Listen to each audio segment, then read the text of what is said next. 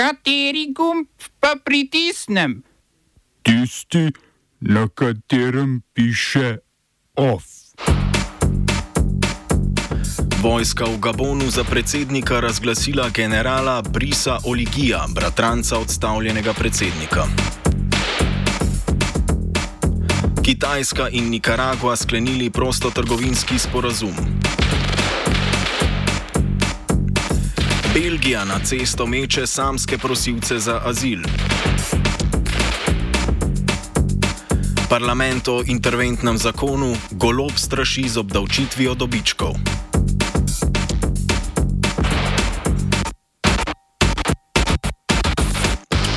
Gabonska vojaška hunta, ki je včeraj prevzela oblast, je za začasnega predsednika imenovala generala Brisa Klotera Oligija Nuemaja, poveljnika republikanske garde.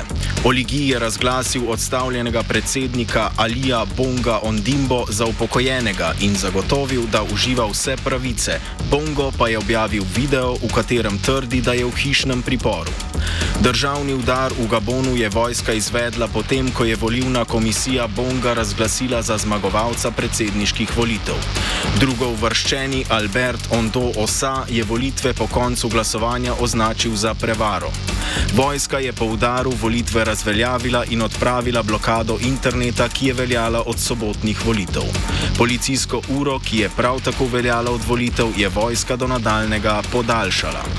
Zunanje politični predstavnik Evropske unije Giuseppe Borrell je dejal, da pušča v Gabonu ne gre enačiti s tistim v Nigru pred dobrim mesecem dni. Ocenil je, da so razlog za udar v Gabonu volilne nepravilnosti. Evropska unija zaenkrat po njegovih besedah nima namena evakuirati svojih državljanov iz Gabona.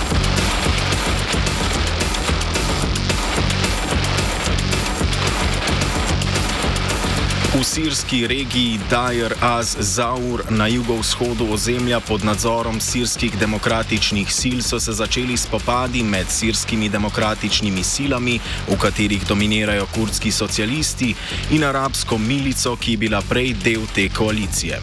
Spopadi so se začeli v ponedeljek, potem ko so kurdske sile pridržale Rašida Abu Haulo, voditelja vojaškega sveta Dajer az-Zaur, med srečanjem, na katerega so ga same povabile. Kurdske sile so potrdile, da so arabskega poveljnika odstavile zaradi komunikacije in koordinacije z unanjimi silami, sovražnimi revoluciji ter zločinov, kot so tihotapljenje drog, zloraba položaja in neučinkovitost v boju proti islamski državi. Arabski vojaški svet v regiji Dajer az-Zaur je bil dosedaj vključen v sirske demokratične sile in je bil zadolžen za varnost v regiji. Predstavniki arabskih plemen zdaj kurde obtožujejo brisanja arabske identitete regije in zahtevajo takojšno izpustitev Abu Haule. Sirske demokratične sile so ga enkrat aretirale že septembra 2017, prav tako po obtožbi, da ne sodeluje v boju proti islamski državi. Takrat so ga izpustile po štirih dneh in do upora vojaškega sveta ni prišlo. Sirske demokratične sile so vojska kurdske avtonomne administracije v Rožavi. Sestavljajo jo kurdske enote, ki so v njej najmočnejše in več manjših etničnih milic. V sirski vojni so imele vodilno vlogo pri vojaškem porazu islamske države.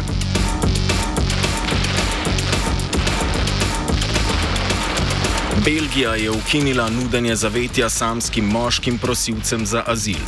Državna sekretarka za azil Nicole de Moore je odločitev pojasnila s povečanim pritiskom na azilne domove, čež da ne morejo dopustiti, da bi zaradi samskih moških na cesti ostali otroci.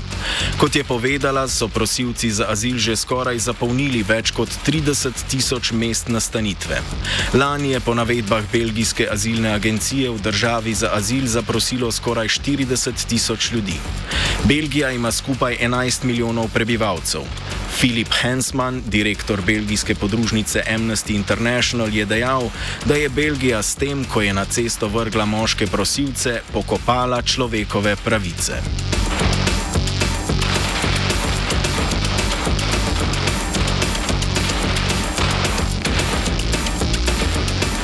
Kitajska in Nikaragua sta sklenili prostotrgovinski sporazum.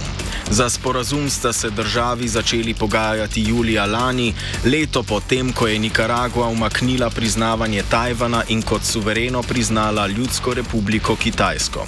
Sporazum določa produkte, s katerimi bosta državi trgovali brez carin. Med njimi so živila, tekstil in elektronika. Postavlja tudi okvir za elektronske transakcije, varstvo osebnih podatkov in sodelovanje pri digitalnem gospodarstvu.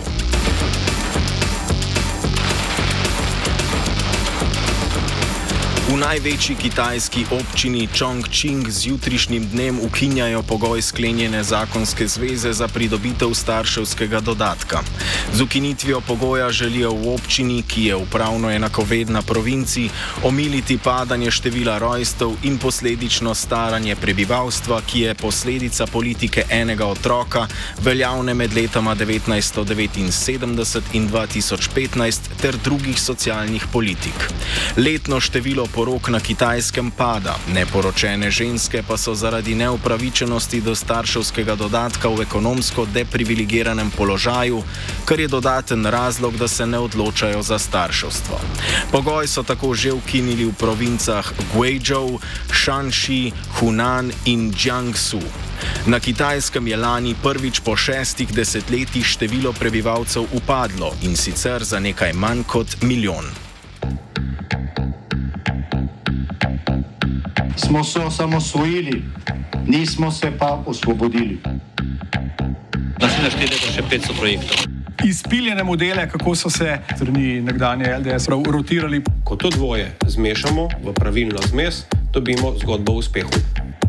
Takemu političnemu razvoju se reče udar. Jaz to vem, da je nezakonito, ampak kaj nam pa ostane? Brutalni obračun s politično korupcijo. To je Slovenija,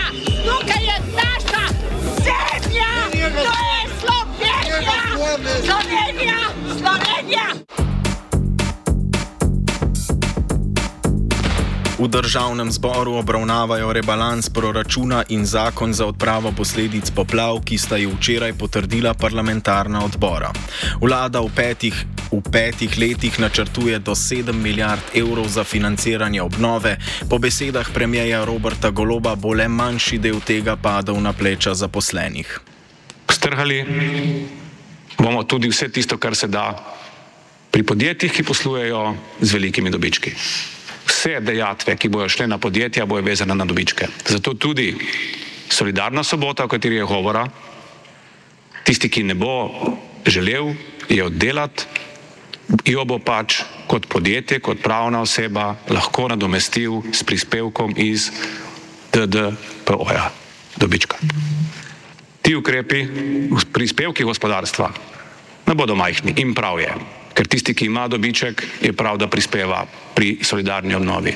Samo za primerjavo, iz delovnih sobot iz strani delavcev se pričakuje ali posredno ali neposredno na letnem nivoju 80 milijonov evrov, bližno polovico teh 164.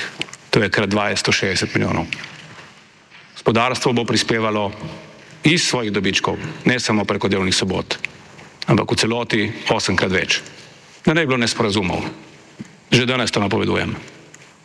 Ne bomo obremenjevali ljudi. Kdorkoli govori, da bomo mi pri sedmih milijardah s 160 milijoni solidarnih prispevkov, ki se jih lahko oddela, prekomerno udarili po ljudeh, ne še enkrat preveri izračune. Obdavčitev dobička, o kateri je govoril premijer, je po včeraj sprejetem koalicijskem amantmaju vsebovana v solidarnostnem prispevku.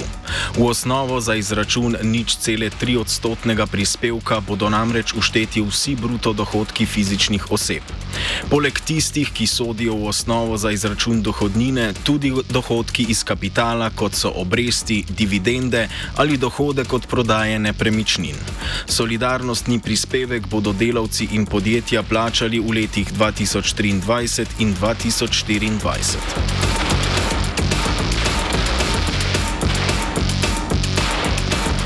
Še pred sejo je ministr za delo Luka Mesec predstavil ukrepe na področju svojega ministrstva. Vsako gospodinstvo, ki je v stanovanju utrpelo resno škodo, bo lahko na centru za socialno delo zaprosilo za izplačilo do 3500 evrov za samsko osebo in do 11600 evrov za štiričlansko družino. Zaposleni, ki so po poplavah čistili prostore svojih podjetij, bodo za avgust dobili 100 odstotkov plače, kar bo v celoti krila država. Zaposleni, ki so zaradi poplav na čakanju na delo, bodo dobili 80 odstotkov plače, kar bo prav tako pokrila država. Enako velja za vse, ki zaradi višje sile ne morejo na delo. Upokojencem bo ministrstvo zvišalo limite možnosti opravljanja začasnega in občasnega dela. Tuji delavci iz nevizumskih držav se bodo v Sloveniji ponovem lahko zaposlili v desetih dneh že samo s soglasjem Zavoda za zaposlovanje.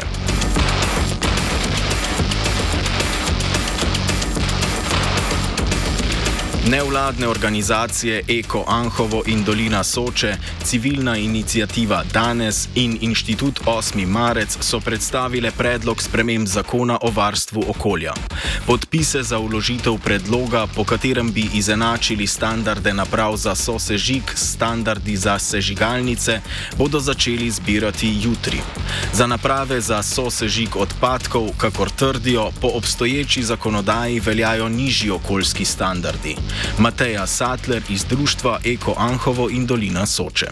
Zakonodaja, ki ureja področje sosežiga odpadkov v cementarni, je diskriminatorna, krivična in postavlja ljudi, ki živimo v okolici takih obratov, v položaj tretjerazrednih državljanov. Zato jo je treba nujno spremeniti in izenačiti izpuste menjih vrednosti s tistimi, ki veljajo za specializirane sežigalnice odpadkov in nad takimi obrati tudi uvesti strožji nadzor. Z uložitvijo zakona, ki predvideva izenačitev normativov za sosežig s tistimi, ki veljajo za sežigalnice odpadkov, rešujemo izjemno perečo okoljsko in zdravstveno problematiko v srednjem posočju. Uložitev tega zakona nam uh, daje upanje, da se bo po dolgih letih opozarjanja na to izjemno perečo okoljsko problematiko končno nekaj naredilo v smeri zaščite zdravja ljudi in okolja, v katerem mi živimo. Povsem nedopustno je, da v Sloveniji še vedno obstajajo območja, kjer je zdravje prebivalcev podrejeno interesom tujega uh, kapitala in uh, temu je potrebno nemudoma napraviti konec in omogočiti enake pogoje za zagotavljanje zdravega življenjskega okolja vsem ljudem, ne glede na kraj njihovega bivanja. OF je pripravil Matej.